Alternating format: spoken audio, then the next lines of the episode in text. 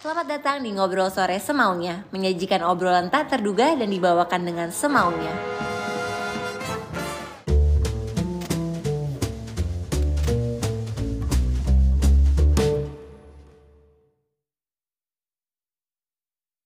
Selamat datang di Ngobrol Sore Semaunya bersama gue Putri Tanjung. Hari ini kita kedatangan bintang tamu super spesial ya idolaku masa kecil yang sudah berkarya 20 tahun Mbak Andin. Hai Pun. Mbak Andin. Ah, Uti.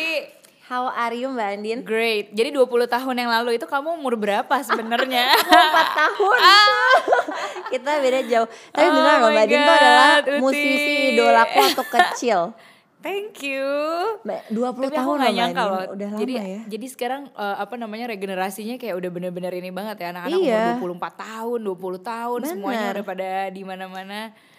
Keren keren. Eh, Keren. Mbak Andin how's the pandemic treating you? Ah, ya sebenarnya ini aku antara kerasa dan nggak kerasa sih dalam Iya. arti kan selama beberapa bulan ini kebetulan waktu awal pandemi tuh aku lagi hamil gede banget Iya. dan terus aku sempat ngelahirin Iya. tapi pas sebelum ngelahirin pun aku sempat keluar single gitu Iya. kan Ah, terus habis itu ya mas jadi masih ada promonya dan segala macam terus live with two boys in the house Iya, gitu udah ada kan tabi ya sekarang. Iya, heeh, terus udah ada tabi sekarang, udah gitu eh, ya udah dan masih terus berkarya yang lain-lain dan Katanya segala Mbak macam pekerjaan. Mau ada konser kan sebenarnya. Iya, 20 jadi- tahun berkarya tapi bener, ditunda karena bener. pandemi ya. Jadi tahun ini sebenarnya rencananya, jadi ini kan tahun 2020 nih, Iya. Ti. terus tahun ini tuh 20 tahun berkarya. Tadinya mau dibikin konser, jadi konsernya kan kayak 20 di 2020 itu kan keren banget ya Betul. sebenarnya ya. Cuman ya udah mungkin eh, ya semesta berkata lain Iya. dan kayaknya kalau tadinya juga sempat ada obrolan mau konser virtual atau yang lainnya, cuman Iya. aku kok ngerasanya kayak kurang greng gitu Iya, kayaknya kurang deket ya sama penontonnya ha-ha, juga. Jadi aku mungkin akan menunda di yang sesudahnya lah gitu. Tapi tetap bikin activation di tahun ini. Mbak, tapi kan Mbak tuh berkarya udah udah lama banget, udah 20 20. tahun lama ya. udah Udah, juga, tapi udah. gak kerasa loh Ti. Nggak kerasa Maksudnya ya, iya apalagi sih. kalau ngelihat sekarang ya kayak aku ngelihat ada penyanyi baru segala macam gitu. Aku ngerasa kayaknya baru kemarin aku kayak mulai-mulai nyanyi gitu. Terus Iya. tiba-tiba udah 20, Udah 20 tahun, tahun. kemudian gitu. Nah Mbak, apa bedanya berkarya dan diri Mbak Andin di 20 tahun sama banget. sekarang? Aku sebenarnya ya bisa dibilang uh, walaupun ini kayak aku udah 20 tahun yang lalu cuman karena aku ngawalin karirnya tuh cukup muda jadi waktu itu umur 15 ya? 14. Oh, 14. Umur, umur 14 tahun. Jadi aku rasa em, kayaknya apa ya jadi cukup ada beberapa jadi dunia nih shifting gitu Iya, di, di dalam banyak banget. penglihatanku Heeh, gitu kan perubahannya. Heeh, jadi waktu awal nih misalnya aku tuh rekaman masih pakai pita dulu Iya. bayangin nggak Ya ampun. masih pakai pita jadi tuh nggak bisa di apa kalau suara kan sekarang bisa digambar Iya, iya, gitu iya. kan Ini udah digital bisa ya jadi nggak dulu. bisa ya Iya. udah gitu aja as it is gitu Iya. kan outputnya masih kaset Iya. ya kan kemudian terus eh, berubah menjadi CD Iya. kemudian dari CD terus berubah menjadi eh, ya pokoknya sampai banyak banget sampai sekarang ya udah nggak ada bentuknya gitu Iya, kan iya. semuanya udah digitalize terus ya kalau dilihat dari sisi eh, apa industrinya juga banyak banget berubah Iya. dan ya termasuk dari akunya juga ya Iya. maksudnya ya kamu tau lah anak umur 14 tahun waktu itu masih SMP Iya. kemudian masuk ke fase berikutnya SMA gitu Iya. ya walaupun di situ aku terus jadi penyanyi tapi kan sebenarnya akunya sendiri ngalamin fase-fase kehidupan Betul. yang mulai SMA per- pertemanannya bagaimana Bener, sekolahnya gimana bener. gitu terus kuliah bla bla bla sampai akhirnya hari ini di sinilah aku punya dua anak Udah punya dua terus anak. tetap bernyanyi gitu Nah Mbak, tapi kalau misalkan tadi kan udah udah maksudnya Mbak Andin juga bilang kan, Mbak Andin udah sudah melewati banyak banget Hmm. Iya. perubahan di diri Iya. Mbak Andin maupun di industri musik. Betul. Tapi yang paling berubah Mbak Andin lihat dari industri musik sendiri, Hmm. terutama musik jazz apa? Eh, yang paling banyak berubah itu sebenarnya jadi gini, aku dulu waktu awal banget nyanyi, eh aku inget ya, itu kan aku masih umur 14 tahun dan aku pada saat itu pengen jadi penyanyi simply karena aku suka nyanyi gitu Iya. ya. Jadi nggak nggak kepikiran apakah nanti suatu hari ini akan jadi ladang eh, apa Pekerjaan. pekerjaan, kemudian apakah bakal kayak ketemu banyak orang yang nonton, Iya. bakal nyanyi di panggung besar gitu-gitu aku kayak nggak kepikiran. Iya. Pokoknya gue suka nyanyi ya udah gue nyanyi, Nyanyi aja, aja, gitu. iya. Nah, eh, apa namanya? Nah, pada saat itu sebenarnya banyak orang yang ya ini kan apa ya namanya eh ya orang melihatnya dari kacamata yang di luar kayaknya enak banget aku ujuk-ujuk bisa jadi penyanyi karena punya fasilitasnya gitu Iya. karena eh, ada papaku yang produserin Iya. terus guruku juga yang jadi music produsernya Iya. gitu tapi sebenarnya aku sendiri merasanya kayak nggak terlalu nggak terlalu belum belum dewasa di atas panggung gitu ya Iya. jadi waktu itu eh, aku ngelihatnya kayak aku banyak ketakutan sebenarnya ketika dihadapkan pada industri yang sesungguhnya Iya, gitu kan betul. Uh, harus ketemu sama senior senior gitu Betul. kan kemudian waktu itu nggak nggak nggak jarang juga aku kayak banyak nerima apa ya uh, bulian gitu dari Iya, senior iya. senior Iya maksudnya dibilang yang kayak ala lo kan nggak bisa nyanyi lo yang gitu gituin Oh iya, Mbak? jadi kayak mungkin aku ngerasanya zaman dulu tuh lebih banyak apa ya berkubu kemudian uh, ya senioritas tuh ada banget gitu dan bahkan disemprot di depan mukaku gitu Oh, jadi iya? yang Iya aku ingat banget aku pernah nyanyi di salah satu uh, stasiun TV gitu. Terus pas itu acaranya live, pas lagi commercial break, Iya. uh, aku udah udah on stage gitu, terus dibully dari belakang. Jadi ini musisinya, terus aku di di apa ya dikatain lah ya. Iya. Ala lo nggak bisa nyanyi tau gak lo? Lo Iya. tuh cuman modal uh, duit doang tau Iya. gak? Lo tuh gini gini gini. Wah pokoknya digituin. Iya. Nah anak umur 14 tahun. gimana? Uti coba gimana? Iya. Akhirnya aku nangis. Jadi sepanjang abis itu nyanyi ya udah aku nangis sepanjang lagunya gitu. Tapi terus eh, ya waktu itu akhirnya dari ya guruku sendiri, mentorku waktu itu ngomong kalau ya welcome to the industry gitu Iya. ya. Nah, cuman kalau tadi Uti pertanyaannya bagaimana dengan yang eh, Sekarang? eh, apa perbandingannya dengan yang sekarang? Sekarang aku rasa jauh berbeda ya. Iya. Karena sekarang aku ngelihatnya semangatnya tuh semangat kolaborasi gitu. Betul. Gitu. Jadi yang antara yang udah lebih duluan nyanyi sama yang sekarang baru-baru Iya. justru semuanya tuh kayak kolaboratif Iya. banget Dan support gitu. each other ya Mbak aku lihat Iya kayaknya. gitu. Jadi ya itu perbedaannya kalau dari sisi industrinya, dunia nyanyinya. Nah Mbak tadi kan aku tertarik, Mbak kan bilang kan bahwa 14 tahun dapat Hmm. bullying dan segala macam, which itu yang aku rasakan juga kan waktu aku mulai karir di umur Yes. 15 tahun juga Yes. wah semua orang ngomongin bapak Iya, dan segala iya, macamnya. iya, iya. Nah waktu itu value apa yang diberi sama bapak sama ibu Mbak Andin yang selalu dipegang dan bisa melewati bullying dan segala macam waktu umur 14 tahun ada nggak value yang ditanamkan ke Mbak Andin? value yang ditanamkan ya. Sebenarnya gini, eh mama papaku juga selalu merasa mereka juga orang orang biasa aja gitu. Iya. Maksudnya bukan mereka bukan siapa-siapa yang gimana gitu. Jadi Iya. eh, mereka selalu ngelihatnya ya eh, apa ya? Ya terus berpijak di di bumi aja gitu. Iya. Maksudnya apa pun yang aku kerjakan terus berpijak di bumi itu satu. Terus yang kedua, mamaku tuh selalu menekankan bahwa gini, memang aku eh, akhirnya ada apa ya? Di situ kan peranku jadi banyak sekali ya, kayak eh, masih SMP, terus masuk SMA, tapi udah jadi penyanyi gitu. Iya. Tapi kalau dalam arti sebenarnya udah punya uang sendiri gitu. Iya. Tapi kan akhirnya jadi terlalu berbeda gitu kan dengan Iya. teman-teman yang lain sebenarnya gitu. Karena ya statusnya jadinya beda. Beda. Akhirnya ya dari eh, mamaku sendiri sering banget kayak menanamkan apa ya? Ya pokoknya role-nya nih jalankan dengan yang semaksimal mungkin Iya. gitu. Jadi kalau nyanyi di atas panggung ya jadi penyanyi, kalau di sekolah ya jadi eh, pelajar, ya. kalau di rumah ya jadi anak gue gitu Iya, nyokap gue iya. ngomong gitu. Terus kalau jadi di rumah jadi kakak jadi kakaknya adik-adik kamu gitu. Jadi role-nya nih Jelas selalu ya, di Mbak. iya. Bahkan waktu kuliah itu tuh aku sering banget yang eh, apa namanya? Ya mungkin kan kan kuliahnya di UI. Jadi Iya. kayak apa em, apa ya beragam banget lah gitu ya orang-orangnya Iya. dan eh, akhirnya aku tuh sering banget minta ke mamaku kalau bisa aku dikasih uang jajan aja gitu Hmm. jadi jadi nggak jarang juga gitu kayak misalnya aduh duitnya habis gimana nih gitu jadi Iya. ada ada perasaan yang yang sama gitu sama, Sama. teman-temanku yang lain gitu kira-kira Mbak, tapi waktu 14 tahun memulai terus bully dan segala macamnya. Iya. Pernah ada pernah ada trauma nggak, Mbak?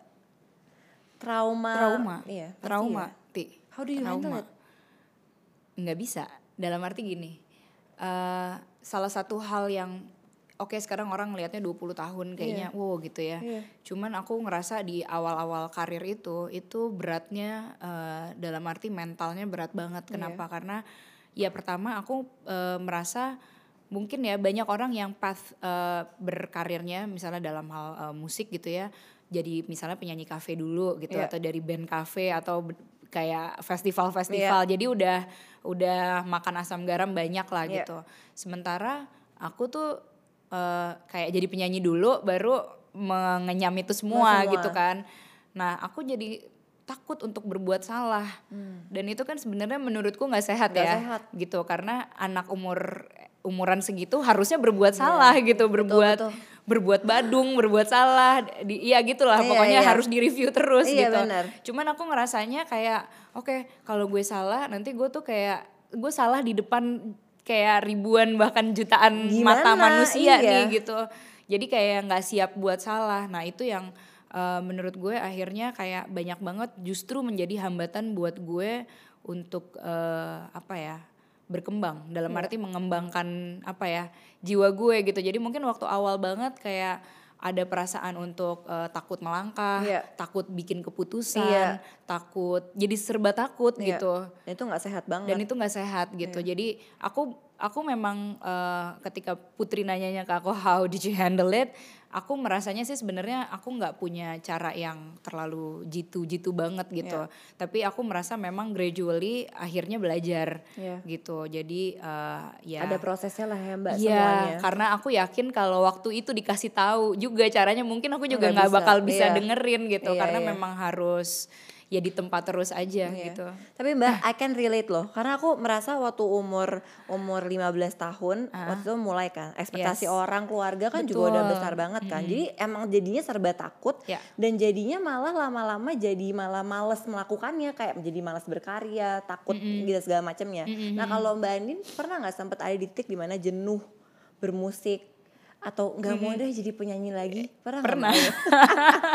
Tahun berapa? Ceritanya gimana? Pernah banget. Em, yang awal banget yang pertama kalinya itu aku inget waktu mau masuk SMA gitu. Iya. Jadi aku ngerasanya aku capek. Capeknya tuh kayak lahir batin gitu. Jadi Iya. bukan capek, cuman capek nyanyi. Iya. Uh, terus aku suatu ha- suatu malam pulang ke rumah karena baru dari rehearsal kayaknya terus aku nangis gitu aku nangis aku bilang aku nggak mau nyanyi lagi aku Iya. bilang gitu cuman aku sih kalau aku uh, flashback gitu sekarang kayaknya sih itu emosional ya. Maksudnya hanya ego sesaat Iya. gitu. Tapi most of the times aku juga itu kan yang pertama tapi bukan hanya sekali gitu Iya. jadi Berkali-kali. ya dalam beberapa fase itu.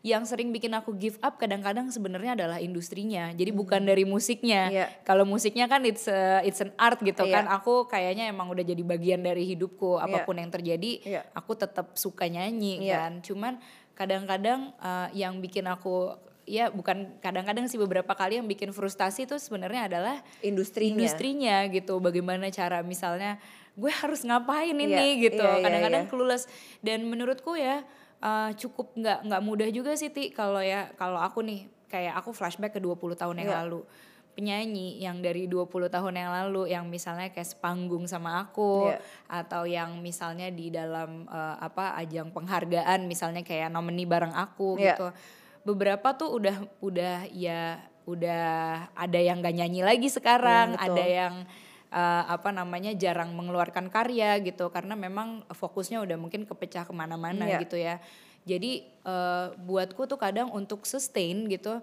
itu memang uh, butuh satu kengototan gitu Iya. dalam arti kayak keras kepala Iya, iya, gitu iya. kan Itu kan very challenging ya mbak.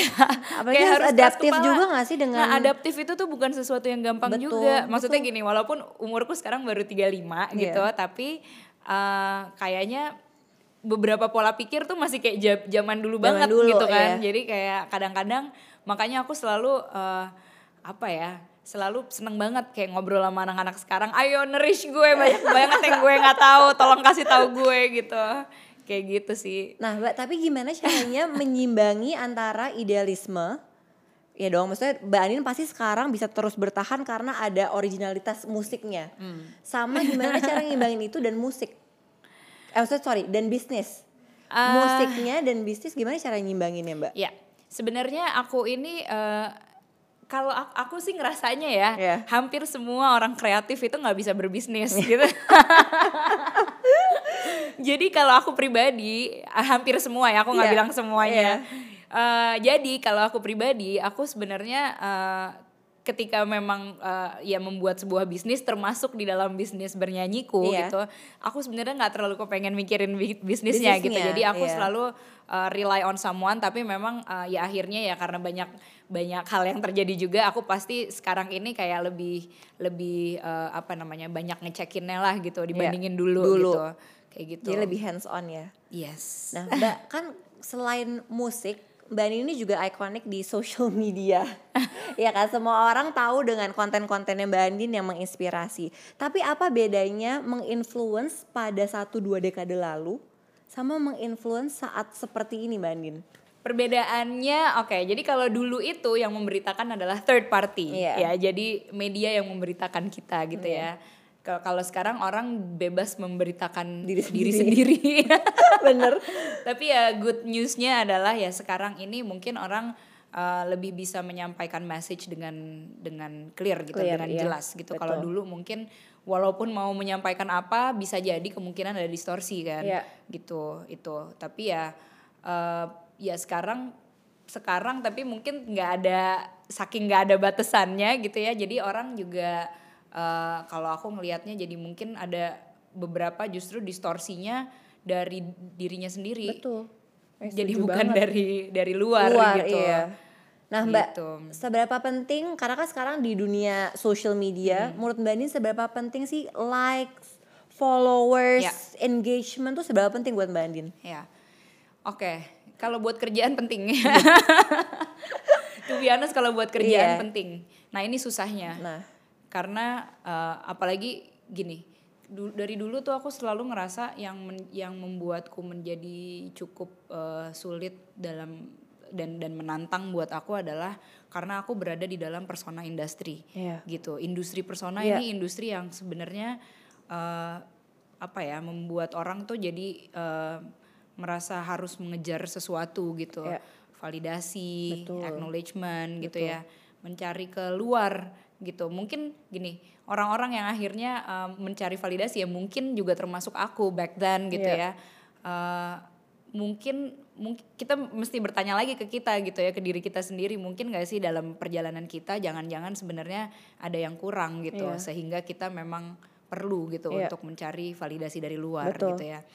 Eh, nah sekarang ya kalau misalnya ditanya seberapa seberapa penting untukku gitu untuk saat ini sih sebenarnya aku ini yang lagi aku renungkan gitu Iya. makanya once in a while sebenarnya ada masa-masa di mana aku lagi kayak puasa social media, Media, benar. tapi tanpa orang-orang tahu jadi jadi apa namanya adminku yang ini yang, yang, Yang ngepost- ngepost. gitu tapi ya eh, apa namanya seharusnya memang tidak penting Iya. gitu tapi ketika kita bicara mengenai industri persona Iya, ini dan maka bisnis. dan bisnisnya gitu maka semua akhirnya menjadi kejar-kejaran gitu Iya, harus balance lah ya. Nah ini yang menurutku sulit gitu. Iya, Kenapa? benar. Karena akunya berada dalam industri ini, tapi Betul. aku tahu bahwa uh, gini, memakai topeng tuh sebenarnya sah-sah aja gitu. Tapi seberapa kita attach dengan topeng, Hmm. Topeng itu, itu. gitu? Apakah kita merasa bahwa topeng ini sama dengan aku gitu? Iya. Padahal kan sebenarnya aku kayak bebas aja mau ganti-ganti topeng Iya. yang mana pun Iya. gitu sebenarnya. Berarti gitu seberapa kira-kira. real Mbak Andin di social media? Ah, oke.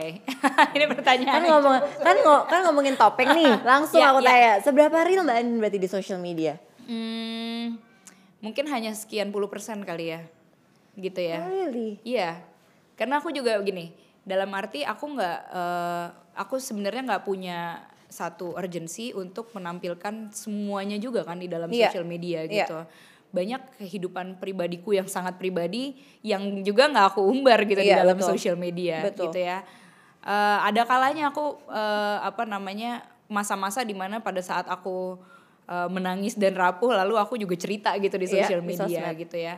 Tapi eh, mungkin kalau sekarang akhirnya mengambil keputusan apa pun jadi lebih eh, apa namanya lebih sadar gitu ya. Iya. Kalau perlu nggak sih gue nggak nggak apa Share, sharing iya. ini gitu ya. Lebih wise juga kali ya Mbak, Mi- memilih-milih apa iya, yang harus dan di kayaknya lebih eh, nggak apa nggak nggak terlalu spontan gitu Iya, ya. iya, iya. Karena Dipikirin dulu ya. iya kalau gitu karena ya mungkin karena banyaknya kejadian yang udah pernah terjadi Iya. gitu dengan dengan banyak orang. Tapi ya itu dia sih eh, aku bisa bilang dalam arti gini eh, realnya sih real aku ya Iya. tapi seberapa yang mau aku share itu yang sekian puluh persen gitu Iya, kira-kira Dipilih-pilih sama Mbak Andin Yes. ya.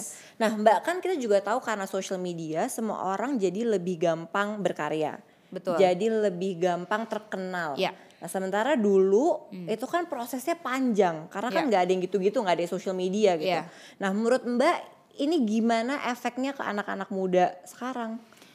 Ah, ya efeknya sebenarnya banyak banyak eh, apa ya memancing ego sih Iya. dalam arti gini eh, kita ini kan sebenarnya kayak tidak hanya terdiri dari eh, ego aja kan Iya, kayak betul. ada alam bawah sadar kita juga yang bermain Iya. gitu kan di situ akhirnya eh, orang tuh jadi lebih susah gitu ti untuk ngelihat ke dalam Iya. kenapa karena yang dipancing nih adalah egonya terus gitu kayak I want to achieve more I want to Iya. achieve more Iya. I wanna go faster, Bet- faster, bener, more, faster bener. gitu kan, gitu sehingga kayak sebenarnya ritme apa ya ritme dunia kan sebenarnya juga tidak selalu secepat itu Bener, gitu, kayak bener. kadang lambat, kadang cepet, Iya, kadang bener. lambat, cepet, lambat gitu selalu ya gitu kan, ya kayak jantung aja kan, Iya. jadi nggak nggak akan pernah bisa terus kayak gini terus Iya, goodbye iya. gitu Iya, kan, bener. ya gitu nah. eh, ya efeknya ya seperti yang Uti lihat kayak sekarang ini banyak anak-anak yang memang eh, ngerasa eh, more is better Iya. terus eh, ya gitu Benar. Aku juga merasa sekarang banyak orang yang merasa jadinya semuanya instan, jadi udah nggak menghargai proses lagi Mbak Andin banyak kan, karena kan sekarang serba, serba gampang kan. Iya. Nah, satu lagi yang aku lihat juga beauty standards, ya Iya. nggak sih Mbak Andin? Iya. Karena kita melihat kayak cewek-cewek di social Iya. media dan segala macam, jadi ada beauty Iya. standard sendiri nih di Iya. social media. Iya. Nah Mbak Andin ngeliat fenomena ini gimana?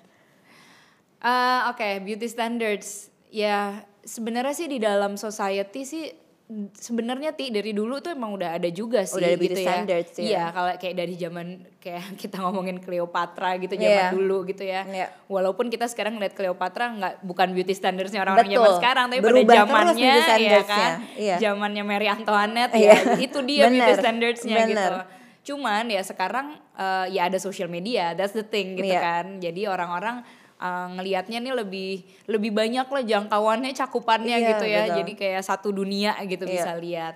Nah, eh, ya sebenarnya kembali ke diri kita lagi masing-masing. Iya. Jadi sebenarnya social media itu netral Iya. ya. Jadi Kitanya aja ya. kitanya yang nggak netral gitu ya. Bagaimana kita di nurture Betul. eh, dengan lingkungan yang seperti apa, dengan apa namanya eh, kayak value-value yang udah pernah kita terima dari kecil tuh seperti apa, trauma yang pernah kita terima dari waktu kita dari kecil banget, terus kemudian SD segala macam itu semua kan eh, membentuk kita gitu ya. Iya. Nah kenapa akhirnya sekarang jadi banyak seragam gitu ya? Ya mungkin hidup pada masa yang sama aja sih. Jadi Iya. kayak mungkin kurang lebihnya gitu ya trauma yang diterima dari orang tuanya atau Iya. dari eh, anak-anak di waktu SD, SMP ya hampir-hampir sama gitu. Iya. Nah Mbak kan aku juga ngikutin perjalanannya Mbak Andin ya dari sosial media aku juga kenal Mbak Andin dari kecil gitu. Jadi aku tahu lah kurang lebih gitu. Nah dan aku kan sekarang cuma tahu dari sosial media aja gitu kan Mbak Andin. Dan Mbak Andin kan di sosial media juga aku melihat happy happy aja nah tapi are you really happy? I am enough. Iya, I'm happy enough ya. Eh, apa namanya? Eh, saat ini aku bisa bilang aku tuh ada di fase yang paling apa ya? eh, menerima. Ya, accepting banyak hal Iya. gitu. Jadi eh, udah beda banget sama sama beberapa waktu yang lalu. Iya. Dan aku ngerasanya sih ini kayak ke shape waktu awalnya banget ya dari nikah terus punya anak segala macam gitu Iya. ya. Um, dan I'm happy enough.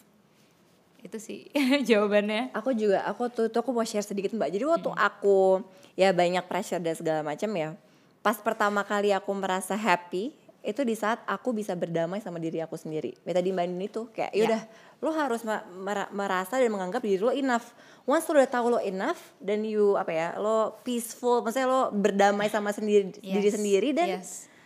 you're Yes. happy karena Yes. happy happiness is a choice kan ya mbak Andin Yes, aku percaya sih itu. Jadi eh, ya bahagia itu adalah ketika kita bisa menerima ketidakbahagiaan kita Ah, gitu. setuju banget Jadi eh, apa namanya ya aku percaya sih sebenarnya kayak ketika kita being netral oleh segala-galanya akan Iya. segala-galanya itu tuh di state yang paling bahagia Paling bahagia. Gitu ya dalam arti ya kayak gitu Iya. lah gitu Nah, Mbak Nin sekarang udah hidupnya makin seru karena ada dua anak. yes Apa yang paling berubah semenjak ada dua anak Mbak Nin? Dari diri Mbak Nin. Eh, tidurku makin dikit ya tidurku makin dikit Eh, aku jarang menyentuh social media Iya. ya bahkan waktu aku hamil yang kedua kemarin aku tuh enek lihat social media ya? mual Oh ya? selain mual lihat daging Iya.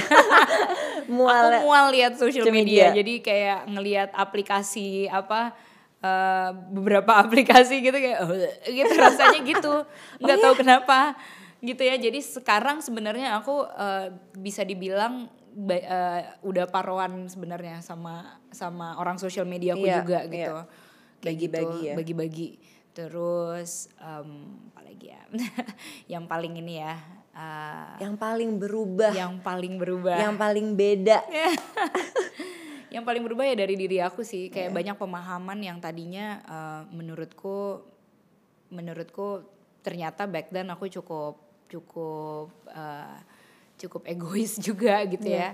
Tapi akhirnya sekarang eh, kayak banyak memprioritaskan eh, sesuatu yang lain gitu Iya. terus eh, lebih banyak slow down Iya. ya karena Pasti sih Mbak, karena Iya. ada udah ada dua anak juga kan sekarang. Iya. Dan aku tuh tadinya ngerasa jadi dulu tuh aku punya anggapan bahwa ketika aku eh, apa melambat kayak then I'm failed gitu. Iya. Tapi sekarang ketika aku melambat ya berarti ada satu prioritas lain gitu. Betul. Nanti prioritas tuh fleksibel sebenarnya Betul, betul. bisa terus Setuju. berganti terus kayak gitu. Mbak, value apa yang Mbak Andin pegang untuk mendidik Kawa dan Tabi? Ah, wah. Ah, oke. Jadi aku juga berpikir dulu waktu aku belum punya anak kayaknya aku tuh kayak ah, apa a woman of value gitu ya. Iya. Tapi akhirnya aku merasa bahwa sebenarnya ah, metode parenting yang paling baik Nah, adalah metode yang berpihak pada anak gitu. Iya. Jadi that's the value. Iya. Jadi aku nggak bisa bilang value-nya tuh apa, tapi aku eh, merasa apa pun yang berpihak pada anak, di mana terbaik. anakku jadi lokomotifnya Iya. dan aku fully support, itu yang terbaik. Itu yang baik. Mbak, kal- kalau misalkan nanti Kawa sama Tabi udah besar, terus nonton nih interview kita di ngobrol sore semaunya, apa yang Mbak Andin pingin sampaikan ke Kawa sama Tabi? Oh, apa ya? Ya nyanyi. apa dong Ti? Apa dong Mbak? Apa yang mau disampaikan? Apa Aduh. harapannya? Apa harapan untuk Tabi sama Kawa? Ini nanti back soundnya gini yang eh, apa piano piano, Piano- yang piano sedih-sedih sedih. gitu. Apa ya? eh, Apa harapannya Mbak? nggak ada harapan sih aku nggak punya harapan tapi kawa tabi hmm, semoga kalian tahu kalau aku selalu belajar berusaha setiap hari aku sama bapak untuk eh, untuk menjadi orang tua yang mensupport kalian 100% dan kita menerima kalian apa adanya Oh no. Mbak, sebelum kita berakhir Yes. obrolan kita, kita main game dulu ya. apa tuh Jadi kita ada game, nama gamenya adalah siapakah dia? siapakah dia Iya, siapakah dia? Jadi aku akan ngasih lihat foto-foto. Oke, Nanti oke, Mbak oke. Andi kasih tau aku siapakah dia Oke. dan cerita di balik sosoknya. ya Oke? Sasha udah ada? Oke. Yang pertama, oh siapakah dia? almarhum Elva Sesyoria Pengaruhnya terhadap kehidupan Mbak Andin? pengaruhnya terhadap kehidupanku dia itu bukan hanya sekedar guruku tapi dia udah jadi kayak eh, apa orang tua keduaku lah Iya. gitu ya jadi mentorku music producerku yang pertama banget kemudian eh, teman baik juga ya dan ya too bad waktu beliau wafat aku nggak ada nggak nggak nggak sedang berada di dekatnya Oke. Yang kedua? aku sedih-sedih semua sih? Almarhum Glenn. eh, Glenn Fredly.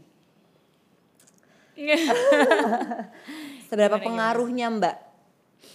eh ya aku bisa bilang sebenarnya Mas Glenn ini ya salah satu yang membukakan jalan untukku gitu ya di di industri musik.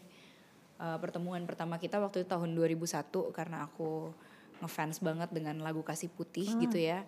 Terus eh, tadi di tengah-tengah yang tadi aku cerita ke kamu di mana waktu tahun-tahun segitu semuanya tuh saling berkubu, saling eh, bully membuli gitu. Tapi Mas Glenn nih adalah orang pertama yang ngajakin aku kolaborasi gitu. Jadi aku ngerasanya ih gue kan kayak anak baru, anak Iya. bawang gitu, Iya. tapi dia mau mau apa ya memberi apresiasi gitu terhadap anak-anak baru. Jadi Dan mengajak Ya. kolaborasi ya. ya gitu. Jadi luar biasa. Luar biasa banget. Iya.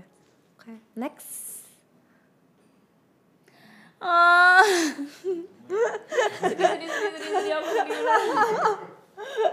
Siapakah? Oke. Jadi eh, ini almarhum eh, Mas Hari. Mas Hari ini tuh hairdresser aku ti. Oh. Hairdresser aku yang udah Dari kecil. em, dari tahun 2009. Dari tahun 2009. Tapi kita ke mana-mana selalu bareng. Bareng. Ya jadi aku nggak mempercayakan rambutku ke siapa pun. Itu yang pertama rambut. Kemudian yang kedua eh, dia tuh selalu bilang bahwa dia diturunin ke dunia ini tuh memang untuk aku gitu. Ya ampun. Jadi pembicaraan kita tuh selalu se- sedalam itu gitu ya bahwa dia tuh malaikatku gitu Iya. yang selalu ngelindungin aku Iya. gitu ya.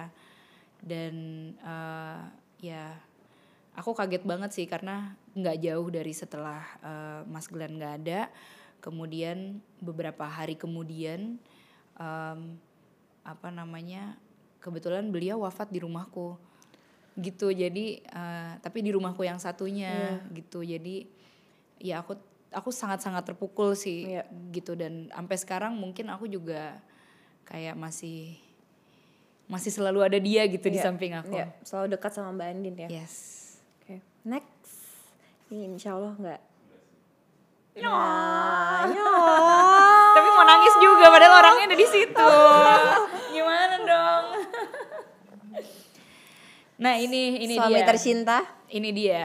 Ini eh, orang yang selalu eh, menjadi cermin kali buat aku ya. Ya. karena eh, ketika aku akhirnya memantapkan diri untuk eh, apa menjadikan dia pasanganku seumur hidup berarti aku udah siap juga dengan semua eh, resikonya gitu ya. Resikonya apa? Berarti aku em, apa ya ketemu temen di mana aku bisa berkaca oh diriku tuh kayak gini gitu diriku tuh kayak gini selalu kayak gitu dan aku berterima kasih banyak banget sih sama suamiku karena mau jadi temen untuk aku bertumbuh sampai sekarang Oh, luar biasa gemas, gemas sekali. Mbak beda berapa tahun ya? Agak aku jauh kan? 9 tahun Iya. bayangin gak sih Aku ah aku pasangan-pasangan aku bedanya lebih jauh lagi. Iya iya tapi ya itu ada ininya sendiri ya Iya. ada keenakannya Iya sendiri benar, ya ada berkahnya tersendiri. yes yes yes Mbak Andin, thank you so much. Sama-sama, terima kasih Terima banyak. kasih banyak. Thank you, thank you. Thank you so much. Sama-sama, Ti. Terima kasih teman-teman. kita ngobrol-ngobrol lagi ya. Iya bener ya. Thank you teman-teman yang udah nonton Ngobrol Sore Semaunya. Jangan lupa untuk terus nonton Ngobrol Sore Semaunya setiap hari Kamis jam 6 sore hanya di CXO Media dan bisa dengerin full versionnya di Spotify. Dadah.